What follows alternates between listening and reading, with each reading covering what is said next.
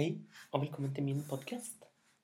Mitt navn er Ola, og på denne podkasten forteller jeg eventyr, fortellinger, jeg forteller fabler og andre spennende fortellinger fra rundt om i hele verden.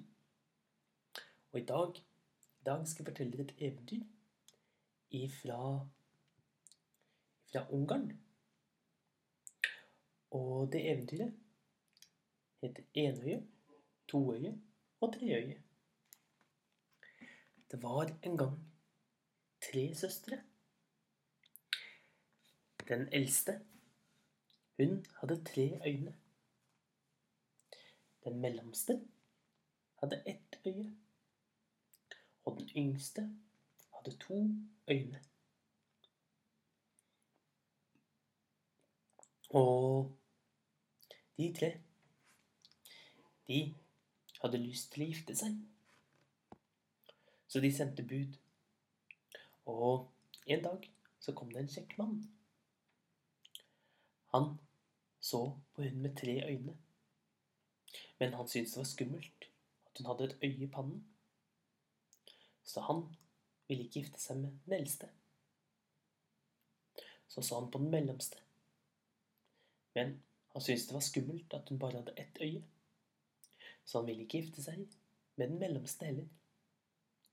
Da fikk han øye på den yngste, som hadde to øyne, og han ble forelsket i henne med en gang.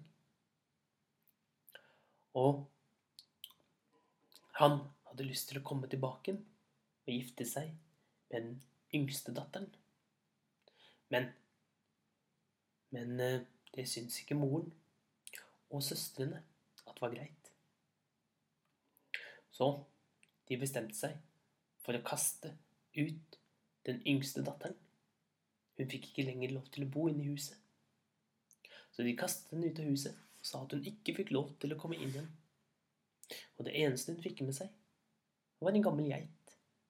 Hun fikk ingen mat, ingen drikke og ingen klær. Så hun måtte gå ut i, de, i den kalde, kalde dagen med bare en tynn, tynn kjole på seg. Og en gammel geit. Og hun var så sulten, men ingen mat kunne hun få. Og hun gikk ut på åkeren og satte seg ned med geiten, og så begynte hun å gråte. Hun gråt og gråt for at de var så slemme, og for at hun var så sulten. Men med ett så begynte plutselig geiten å snakke. Og den sa, Ikke gråt sånn, jenta mi. Jeg skal hjelpe deg. Jeg er ingen vanlig geit. Hvis du sier 'dekk opp', da vil jeg dekke opp den deiligste mat til deg. Og jenta, hun var så sulten, og hun sa med den peneste stemmen hun kunne og kjære geit, kan du så hjelpe meg, dekk opp. Og rett som det var, så kom det en stor duk opp på ryggen til geiten. Og på duken dukket det fram den deiligste mat. Der var det nyferskt brød. Og det var store gryteretter. Det var mye deilig frukt og kaker. Og jenta spiste seg god og mett. Og når hun hadde spist opp alt sammen, så ristet geiten på seg, og maten forsvant. Og så kunne jenta legge seg ned og sove, med en god og mett i magen. Men så gikk det en stund, og søstrene lurte veldig på hvorfor hun ikke var blitt tynnere, nå som hun ikke hadde noe mat lenger. Så de bestemte seg for å spionere på henne. Så de smøg seg først så var det den mellomste datteren, hun med ett øye. Hun hadde lyst til å spionere først. Hun gikk ut og gjemte seg. Gjemte seg, men den yngste datteren så henne og spurte om hun ville komme fram. Det ville hun. Og så sa den yngste datteren, hvis du legger hodet ditt, hodet ditt i fanget mitt, så skal jeg ta og gre deg. Det ville den mellomste og hun la hodet i fanget. Men etter hvert som hun lå der, og den yngste datteren gredde henne gjennom håret, så sovnet hun, og fikk ikke sett en eneste ting. Men den yngste datteren var ikke sen om å gå bort til geiten og si, Kjære geit, dekk opp.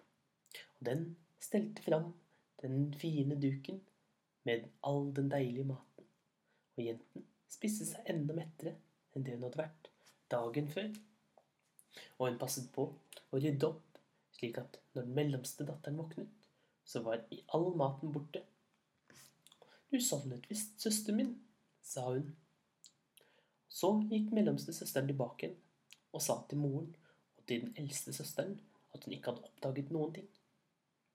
Nå var det den eldste søsteren som ville prøve å finne ut hvorfor den yngste ikke ble tynn. Så hun gikk ut i åkeren, og hun kom i snakk med den yngste, yngste søsteren. Og hun spurte samme spørsmål om hun skulle gre henne i håret. Det ville den eldste datteren gjerne, og hun la hodet i fanget til den yngste jenten, og hun begynte å gre. Og snart så merket den eldste datteren at hun var søvnig, og hun lukket øynene. Men i hemmelighet så holdt hun det siste øyet, det hun hadde i pannen, våkent, og så seg rundt. Og når den yngste datteren trodde at søsteren sov, da smøg hun seg opp og gikk bort til geiten og sa Kjære geit, dekk opp. Og geiten dekket opp med duk og den deiligste mat. Og den eldste datteren så med øyet sitt alt sammen. Og når hun våknet, skyndte hun seg tilbake og fortalte det til de andre. Og de ble så sinte for at hun hadde lurt dem. Så de slaktet geiten og jenta, den yngste datteren, begynte å gråte og gråte. For nå hadde hun ikke noe mat lenger, og hun var blitt så glad i den kjære geiten. Men med ett som hun satt der, så fikk hun en drøm. Det kom en gammel mann bort til henne og fortalte. Nå skal du grave ned hovene og hornene til geiten. Og der vil det vokse opp et stort tre med gullepler som kun du kan plukke. Og jenta, hun gjorde så. Hun spurte moren og søsteren om hun kunne i alle fall få benrestene. Det syntes de var fint, så hun fikk de avgnagde restene. Både hover og horn. Og så tok den yngste datteren og gravde et stort hull nedi jorden. Og hun la både hover og horn der, og gravde over siden så vannet hun og gikk og la seg. Men neste dag så hadde det vokst opp et stort tre der hvor hovene og hornene var gravd ned. Og på treet så vokste det gullepler. Og du kan tro at søstrene og moren med en gang de så gulleplene, ble helt gale hoppet opp og ned for å prøve å plukke gulleplene. Men hver gang de kom i nærheten av dem, så rakk de enten ikke opp, eller så flyttet grenene seg slik at de aldri klarte å plukke et gulleple. Og de fortsatte å stå og hoppe opp og ned og prøve å få tak i gulleplene som de så rett foran seg, men som de ikke kunne få tak i.